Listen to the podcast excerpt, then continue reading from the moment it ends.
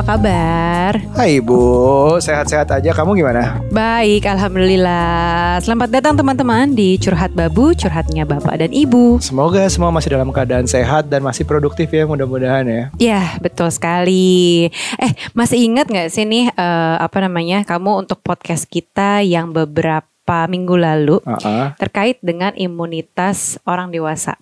Ya, caranya dengan eh, salah satunya nih ya salah satu adalah dengan rutin mengkonsumsi buah dan sayuran ya masih kita Gitu. lakukan. dan masih kita lakukan sampai saat ini Dan semoga teman-teman yang dengar juga terinspirasi. Ada satu yang nge-tweet yang ngasih tahu, ada beberapa yang Instagram story juga bilang bahwa iya nih sambil, sambil coba makan karena sayur itu lebih asing rasanya. Dia coba masa makan buah dulu.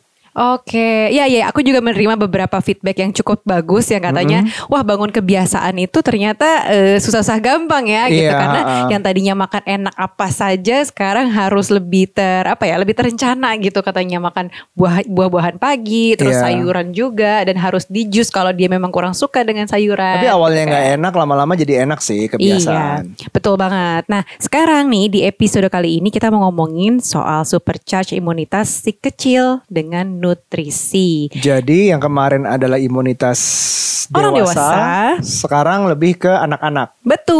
Betul, Jadi oke. kita pengen ngomongin soal nutrisinya anak-anak biar seimbang supaya ketahanan tubuhnya tuh lebih strong gitu di kondisi saat Strong, ini, di kondisi oke. next normal.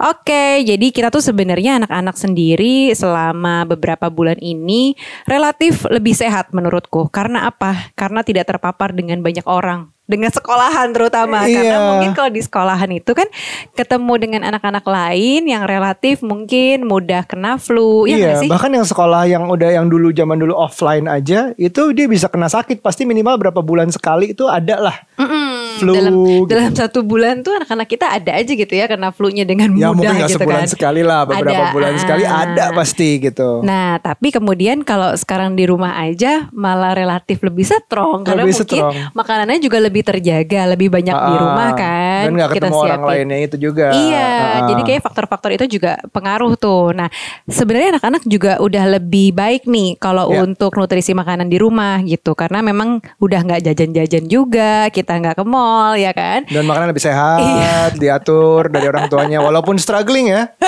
Struggling juga sih dengan kebiasaan anak-anak yang bebas tadinya gitu kan, sekarang harus makan makanan rumah saja dan ternyata kita coba dengan makan sayur-sayuran dan buah-buahan walaupun belum berhasil ya, tapi tetap kita coba.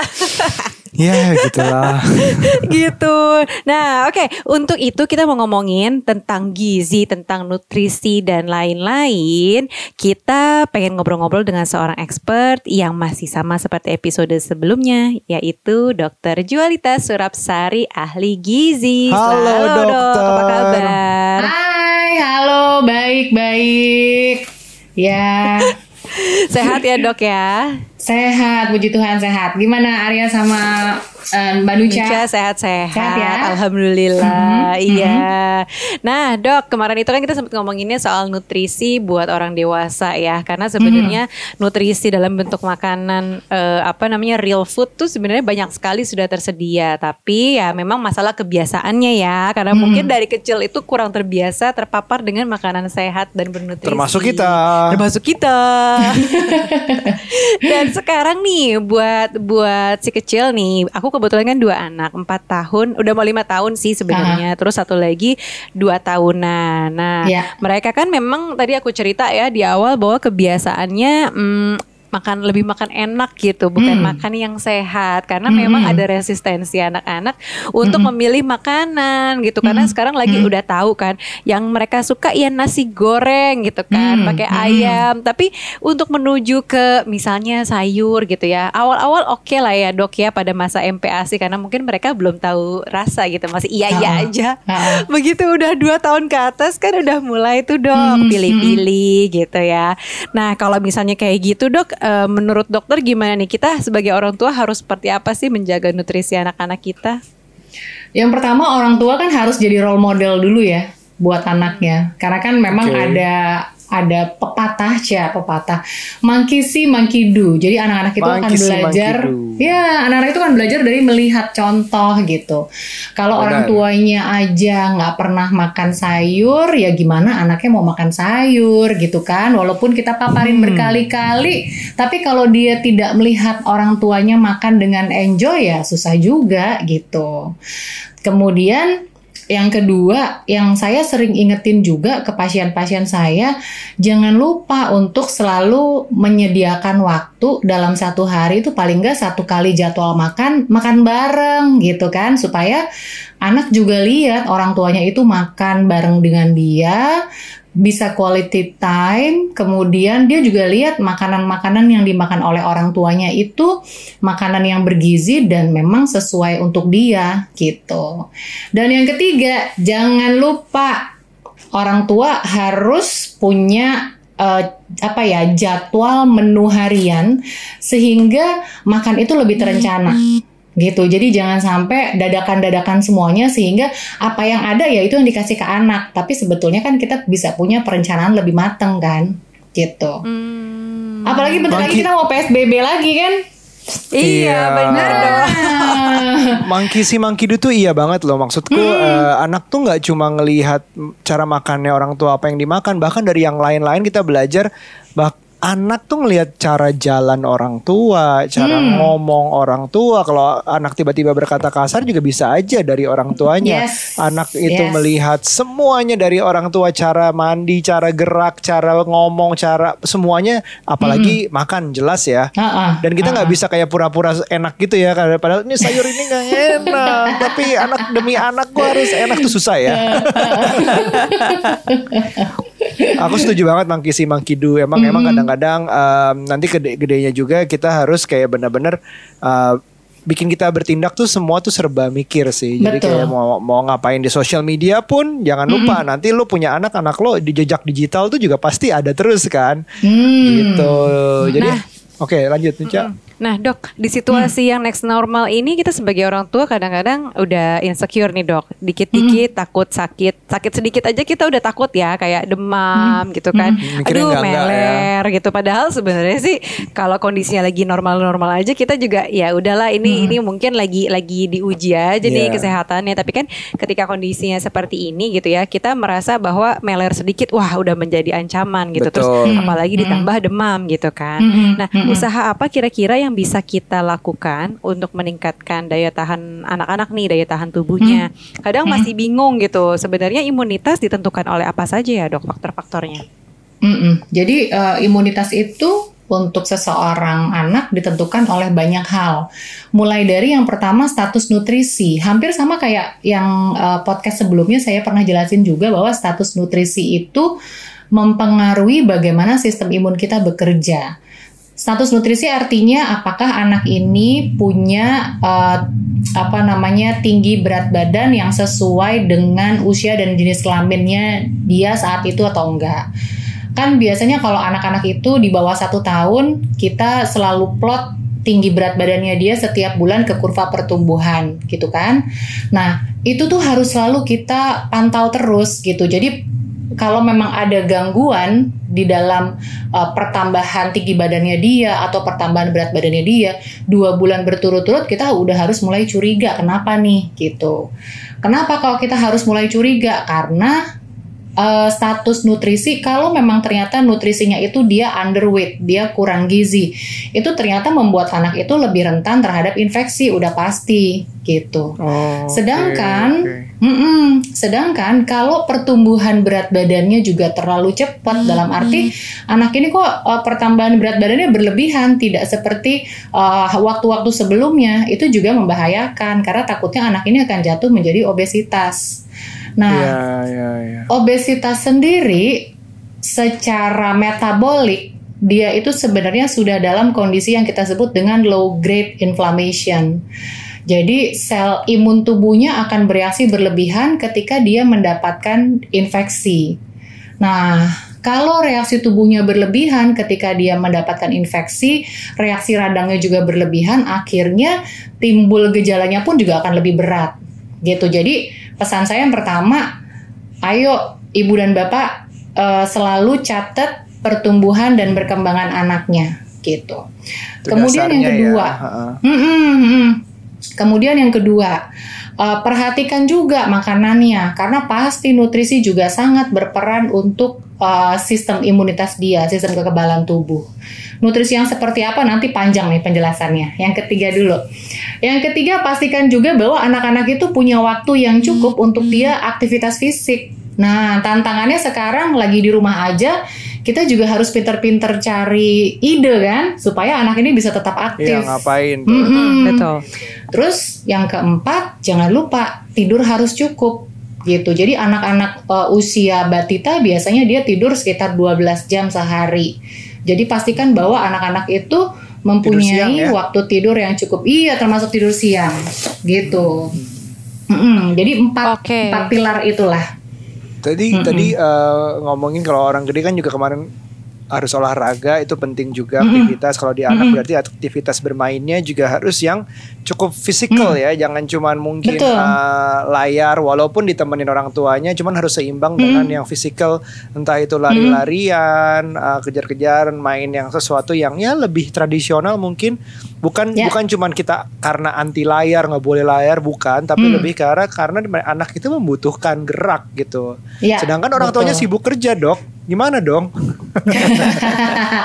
Pasti kan kerja ada breaknya kan. Iya iya iya iya benar-benar. Kadang-kadang Ah, breaknya itu ah. justru istirahat yang bagus buat orang tuanya untuk main sama anaknya ya. Betul, dok. Tapi dok, ini kan sebenarnya eh, tadi terkait dengan imunitas yang aku cerita juga ya dok, bahwa selama di rumah aja kita merasa justru alhamdulillah anak-anak itu lebih under control, eh, jadi jarang sakit gitu. Karena kalau di sekolah tuh kita menemukan bahwa minggu ini ada nih kayak flu massal gitu ya beberapa anak, wah meler nih.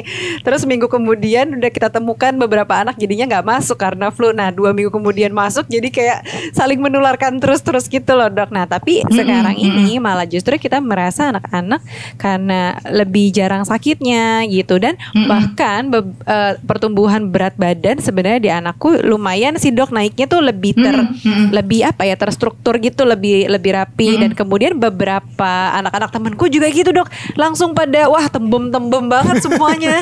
Jadi kayaknya faktor di rumah aja dan orang tuanya di rumah lebih terkontrol semuanya dok. Betul, betul. Karena akhirnya kita bisa eh, mengembalikan lagi kebiasaan makan yang baik ya. Jadi feeding practice itu bisa kita lakukan lagi di anak, schedule makan, pemilihan makanannya apa, itu kita bisa lebih intensif lagi. Termasuk juga makanan-makanan cemilan-cemilannya dia tuh gitu kita bisa kontrol kan. Kalau di sekolah kadang-kadang kita bawain bekal buah sampai di sekolah dibuka buahnya udah nggak seger gitu dia nggak suka. Iya, benar sih. Nah kalau di rumah kan kita bisa eh, nyediain saat itu juga gitu. Tapi juga sa- juga faktor dari orang tuanya juga ya lebih ya lebih ada di rumah jadi kayak bisa lebih Betul. melihat anaknya makan apa aja daripada orang tuanya misalnya di kantor selama ini. Ya mungkin ada ada positifnya juga ya kita orang tua di rumah dan anak juga di rumah. Ada satu positif di antara beberapa negatif ini. Dok, selain empat pilar tadi dok, kira-kira yang menjadi faktor imunitas anak-anak tuh apalagi ya dok ya? Selain tadi kan masalah kayak nutrisinya, terus eh, perkembangannya harus sesuai dengan apa istilahnya KMS ya dok ya, Betul. kartu menuju Mm-mm, sehat ya dok ya benar ya sehat. apa? Mm-mm, Ah, ah. Terus kemudian aktivitas fisiknya juga harus cukup, kemudian waktu tidurnya juga cukup. Tapi di dalam tubuhnya anak-anak nih sebenarnya ada apa sih apa yang berkembang ketika anak-anak nih berada di masa periode pertumbuhan yang sangat optimal ya dok ya usia usia usia usia saat ini. Nah, ada salah satu eh, yang kita mesti perhatikan juga bahwa kesehatan saluran cerna anak itu juga sangat penting. Jadi eh, bisa dibilang bahwa 80% sistem imun atau sistem kekebalan tubuh itu ada di saluran cerna. Gitu. Gimana Dan- tuh maksudnya selalu pencerna tuh? Nah, jadi saluran cerna kita itu kan terdiri dari kalau ngomongin usus kan ada dua tuh. Kita belajarnya ada usus halus, ada usus besar gitu kan. Nah, kalau usus halus itu dia gunanya adalah menyerap eh, semua zat gizi yang diperlukan oleh tubuh gitu. Nah, kemudian sisa-sisa dari eh, apa em, sisa-sisa dari makanan yang tidak terserap itu kan dia akan lari ke usus besar. Nah, di usus besar itu dia ada yang namanya bakteri baik gitu, mikrobiota baik. Nah, mikrobiota yang baik ini sering kali jumlahnya itu tidak sesuai gitu loh, sehingga akan menyebabkan bakteri yang jahat itu akan tumbuh lebih banyak gitu. Jadi nggak seimbang dia. Padahal sebetulnya si bakteri baik ini dia punya kemampuan untuk menghambat pertumbuhan si bakteri jahat tadi gitu. Kemudian, Oke, jadi Mm-mm. jadi yang dulu diajarin oh bakteri itu ada yang jahat ada yang baik. Nah ini Hmm. kita lebih belajar secara detail sekarang. Dulu kan lewat lewat sekolah dan lewat iklan ya. Karena kita lebih Ya. detail. Cara bakteri baik lebih banyak gimana dok? Nah, cara bakteri baik lebih banyak. Yang pertama, eh, kita kita bisa konsumsi bahan makanan sumbernya tuh. Jadi makanan-makanan yang difermentasi, kayak misalnya yogurt, tempe, itu sebetulnya sudah mengandung bakteri baik tadi. Nah, terus si bakteri baik ini kan dia butuh makanan, ya kan? Dia butuh makanan dong. Nah, makanannya bakteri baik ini ada yang namanya prebiotik.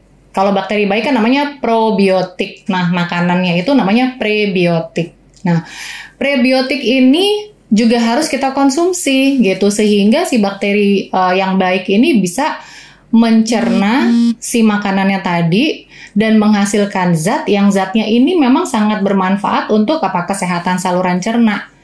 Kalau saluran cernanya sehat, maka bisa dibilang lapisan ususnya juga terjaga lebih rapat-rapat gitu loh. Karena kalau lapisan ususnya ini jadi renggang-renggang, maka patogen atau bakteri jahat itu gampang masuk ke dalam tubuh. Gitu. Oke, oke. Mm-mm. Prebiotik, probiotik dan kalau sakit kita yang namanya ada antibiotik itu ya.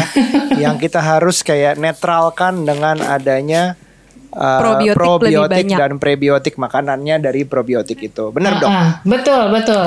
Gitu. ya ya, ini takut ketukar nih antara probiotik dan prebiotik. Ya, probiotik adalah bakteri, Bakteri. baik. Bakteri, Sekali lagi kita ulang, prebiotik adalah makanannya Yes. dari probiotik. Ah, ah. Oke, nah dok kalau misalnya harus diseimbangkan gitu ya jumlah bakteri di dalam saluran cerna ini nih, Mm-mm. eh, itu harus didapat dari makanan seperti apa supaya eh, pencernaan kita bisa bekerja dengan maksimal gitu. Maksudnya pencernaan anak-anak nih biar berjalan maksimal, berarti ada makanan apa saja kira-kira ah, ah.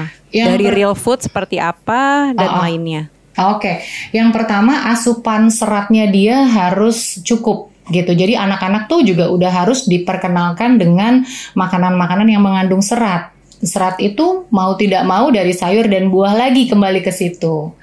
Ada beberapa eh, beberapa jenis prebiotik eh, seperti misalnya ada yang namanya fructo-oligosakarida atau kita eh, singkatnya FOS gitu. Itu dia banyak di makanan-makanan seperti misalnya ada di sayuran, ada di pisang gitu ya.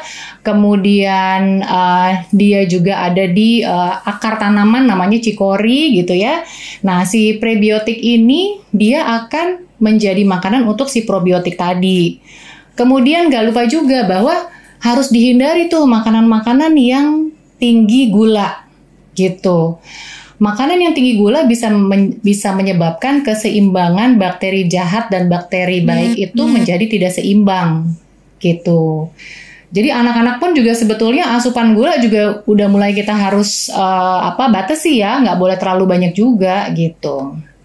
Oke, aku pikir selama ini kenapa aku sendiri juga suka melarang anak-anak makan yang gula tinggi gitu eh, lebih ke faktor ini sih dok biasanya gara-gara gigi aku takut banget kan gigi jadi cepat rusak tuh ya kan Terus takut malah terlalu kedua- aktif saat mau tidur. Iya takutnya sugar rush gitu Sugar kan. rush. Oh ternyata ini mempengaruhi juga ya dok ya. Berarti ke eh, apa namanya kadar dari probiotik di tubuh kita, tubuhnya anak-anak gitu ya dok ya. Betul, betul. Oh dia pernah Oke. nanya tuh Aira pernah nanya tuh Bu kenapa kita nggak boleh makan manis banyak-banyak Aku jawabnya ya itu nanti manis itu adalah makanan buat penyakit Hmm. Salah satunya kan, salah satunya kan ya mungkin maksudnya aku nggak bisa jelasin bakterinya lah. Salah satunya misalnya penyakit-penyakit berbahaya gitu. Itu Hmm. Ya. juga feeding from sugar, bener nggak dok? Iya, betul, betul, betul. Hmm, gitu. Gula boleh kali ya, tapi nggak banyak-banyak kali ya. Hmm. Iya, jadi tetap harus ada pembatasan.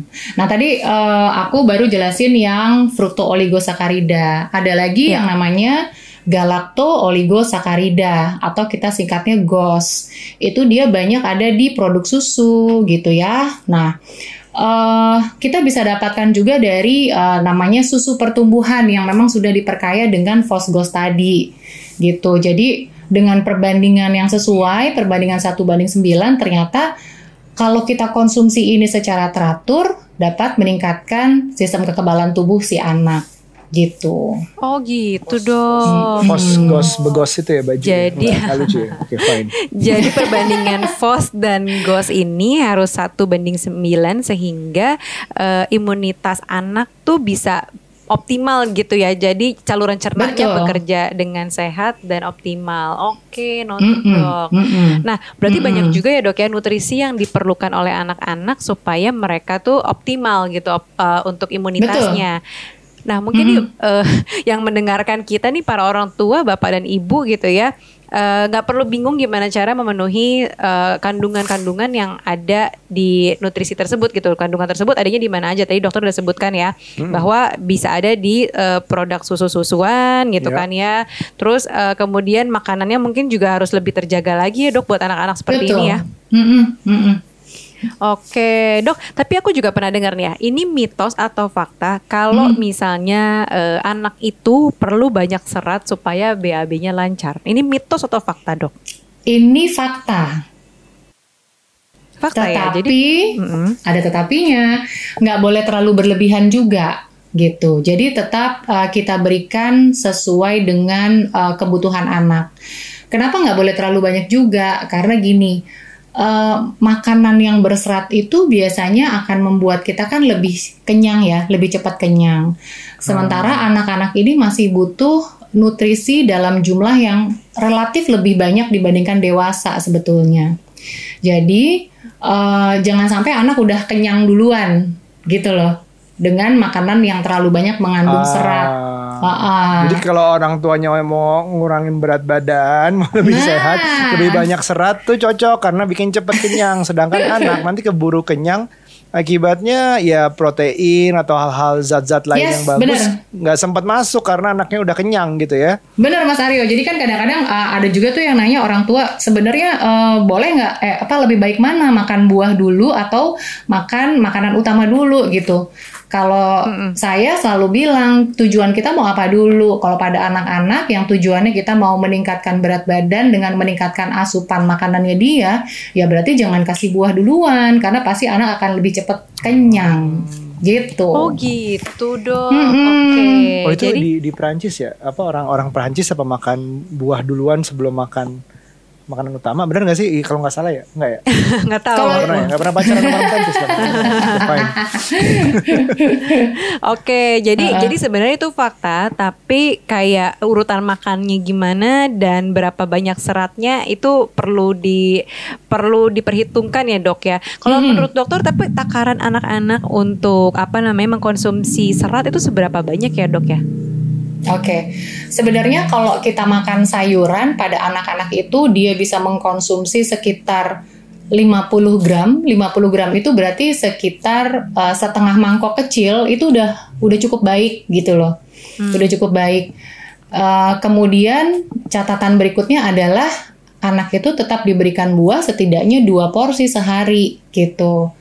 Nah, eh, pemilihan karbohidrat itu juga merupakan salah satu upaya kita untuk meningkatkan asupan serat.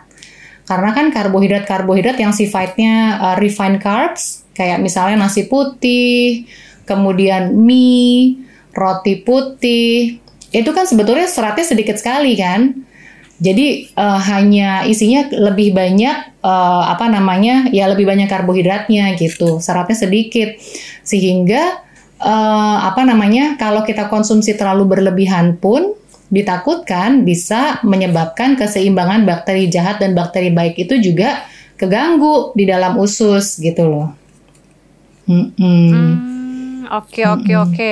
Nah kalau misalnya aku pernah kejadian sih dok beberapa hmm. kali kan uh, apa namanya anak-anakku nih konstipasi. Nah kira-kira kalau misalnya sampai sulit BAB gitu ya, uh, apa yang harus kita lakukan pertama kali? Jadi misalnya kayak apa namanya P3K-nya tuh harus apa sih gitu yang kita kasih ke anak-anak Hmm, kalau anak-anak yang masih kecil dulu biasanya kita kan ada pijatan lembut di perut gitu ya. Kalau zaman anak MPASI itu ada cara mijatnya deh gitu untuk bisa menyebab bisa anak itu BAB lagi.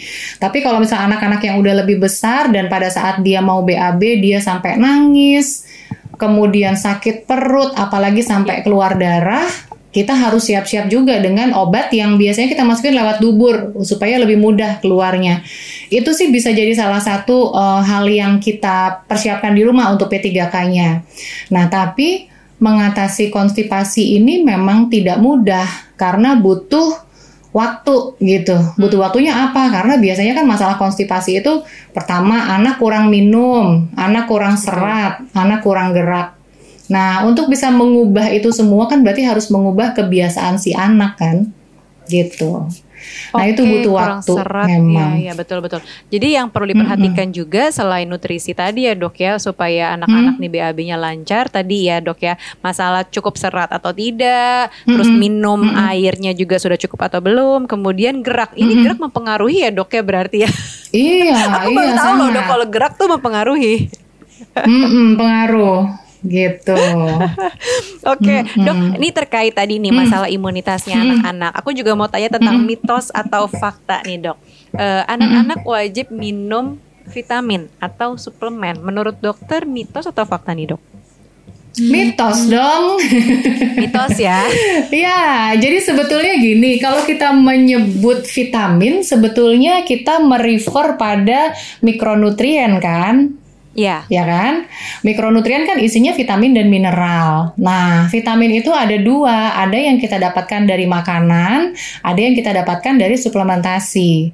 Pada dasarnya, kalau memang anaknya sudah baik, makannya, kita yakin bahwa anak ini bisa memenuhi semua kebutuhannya. Dia makan sayurnya bagus, makan buahnya bagus. Kemudian dia nggak ada masalah makan protein uh, hewani, sehingga asupan vitamin B12, kemudian zat besinya juga terjamin. Ya kita nggak perlu kasih tambahan suplementasi. Tetapi misalnya anak ini memang uh, sudah terbukti, oh dia kekurangan zat besi misalnya yang kita dapatkan dari hasil pemeriksaan dokter. Mau nggak mau dia harus mendapatkan suplementasi zat besi. Atau anak-anak yang kekurangan uh, vitamin D gitu karena mungkin diindikasikan anaknya ini kok ada apa ya ada keluhan sering pilek, sering batuk. Kemudian ketika dicek vitamin D, oh ternyata vitamin D-nya rendah dan dia harus mendapatkan tambahan suplemen. Nah, itu memang tepat karena memang sudah atas indikasi gitu. Oke, nah mm -hmm. tapi kalau di tengah kondisi yang uh, super istimewa seperti sekarang nih, the next mm -hmm. normal dok, uh, perlu masih perlu ditambah vitaminnya atau tidak nih dok? Atau cukup dari real food aja dari makanan asli yang ada? Atau kalau misalnya ada ada anak-anak kan nggak semua indah ya dok. Kadang-kadang ada anak-anak hmm, yang memang makannya picky, terus hmm. apalagi yang mungkin GTM GTM atau nggak hmm. mau makan. Nah itu gimana dok? Pe, pe, apa ya treatmentnya harus seperti apa? Baik. Jadi Mbak Nuca, kalau kita tidak yakin bahwa anak ini bisa mengkonsumsi sesuai dengan yang direkomendasikan, mm -hmm. maka boleh aja kita memberikan tambahan suplementasi vitamin dan mineral dengan dosis sesuai dengan angka kecukupan gizi sesuai pada usianya dia.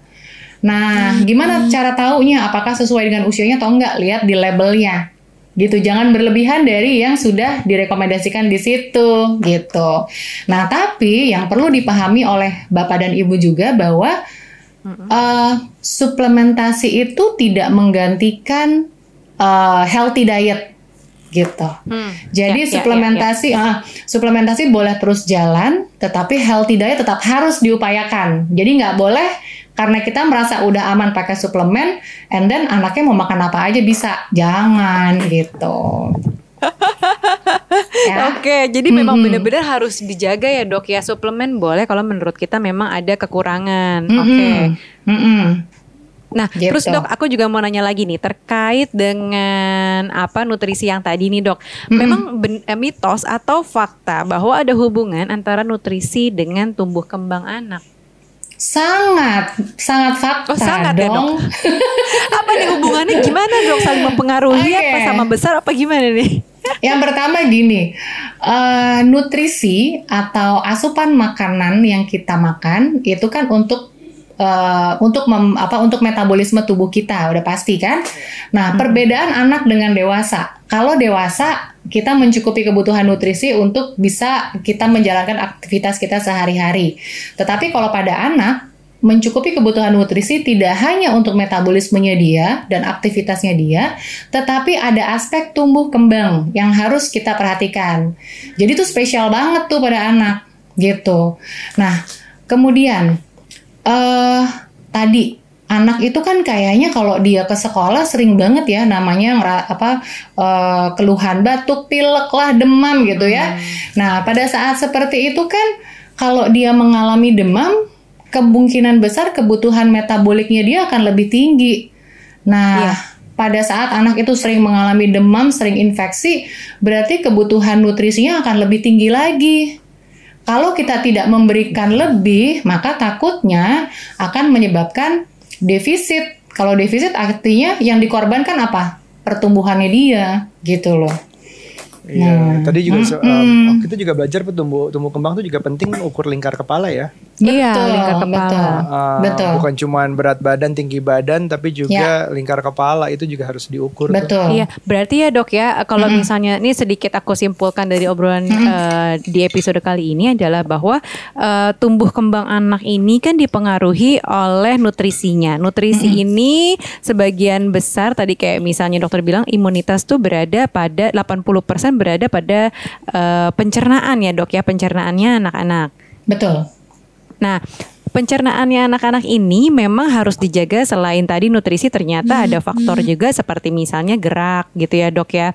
Kemudian kalau misalnya kita perhatikan ini paling gampang aja ya dok ya sehat atau tidaknya atau imunitas baik atau kurang baik imunitas anak itu tergantung misalnya kita bisa ngelihat kayak intensitas BAB-nya gitu kan. Terus kemudian tekstur BAB-nya. Terus kemudian kita juga bisa lihat eh, mungkin di beberapa anak ada yang justru teksturnya tuh ya kayak diare atau apa gitu ya dok ya kayak kurang Betul. sehat gitu dok Mm-mm. itu artinya imunitasnya kan lagi kurang baik nah kira-kira kalau seperti itu kondisinya dok eh, apa yang perlu orang tua lakukan gitu? Kalau tadi kan dokter eh, kita bilang P3K-nya udah ada gitu ya kurang lebih seperti apa. Tapi ada nggak dok treatment lainnya? Karena aku suka mendengar kayak tiba-tiba ini teman-temanku yang anaknya aduh anakku tiba-tiba diare nih gitu. Padahal lagi di masa-masa seperti ini di mana sebenarnya kalau kita tadi tahu makanan di rumah tuh lebih sehat lebih bernutrisi. Tapi kok masih ada yang diare gitu ya dok? Hmm, hmm, hmm, hmm. Nah, eh, tadi walaupun makanan di rumah itu misalnya lebih bersih, tapi kita juga perlu eh, perhatikan komposisi, gitu kan? Kemudian eh, bisa aja ketika anak itu diare, memang terjadi ketidakseimbangan si bakteri baik dan jahat di saluran cernanya dia. Jadi eh, pada kondisi seperti itu kita harus bisa mengembalikan kesehatan saluran cernanya dia nih, gitu apabila terindikasi bisa bisa saja kita memberikan uh, suplementasi probiotik. Tetapi nanti ke depannya uh, ke depannya kita harus juga memperhatikan asupan uh, tadi namanya prebiotik tadi ya. Jadi uh, prebiotik dengan jenis FOS dan GOS tadi itu kita bisa dapatkan dari bahan-bahan makanan sumber yang tadi saya udah jelaskan. Termasuk salah satunya juga dari susu pertumbuhan yang mengandung fosgos dengan uh, rasio 1 banding 9 yang ternyata memang bisa meningkatkan pertahanan tubuh anak gitu. Sehingga pada penelitiannya kalau anak ini mendapatkan susu pertumbuhan tadi ternyata angka kejadian infeksi saluran uh, nafas dan juga infeksi saluran cerna itu lebih sedikit dibandingkan anak-anak yang tidak mendapatkan susu tadi gitu. Oh gitu. Oke, udah jelas banget sih. Kamu lagi ada lagi yang mau ditanyakan? Em, ini biasanya dalam hal seperti ini yang mimpin ibu aja sih. Pantesan ibu-ibu yang paling cemas kalau anaknya sakit udah demam gitu kan.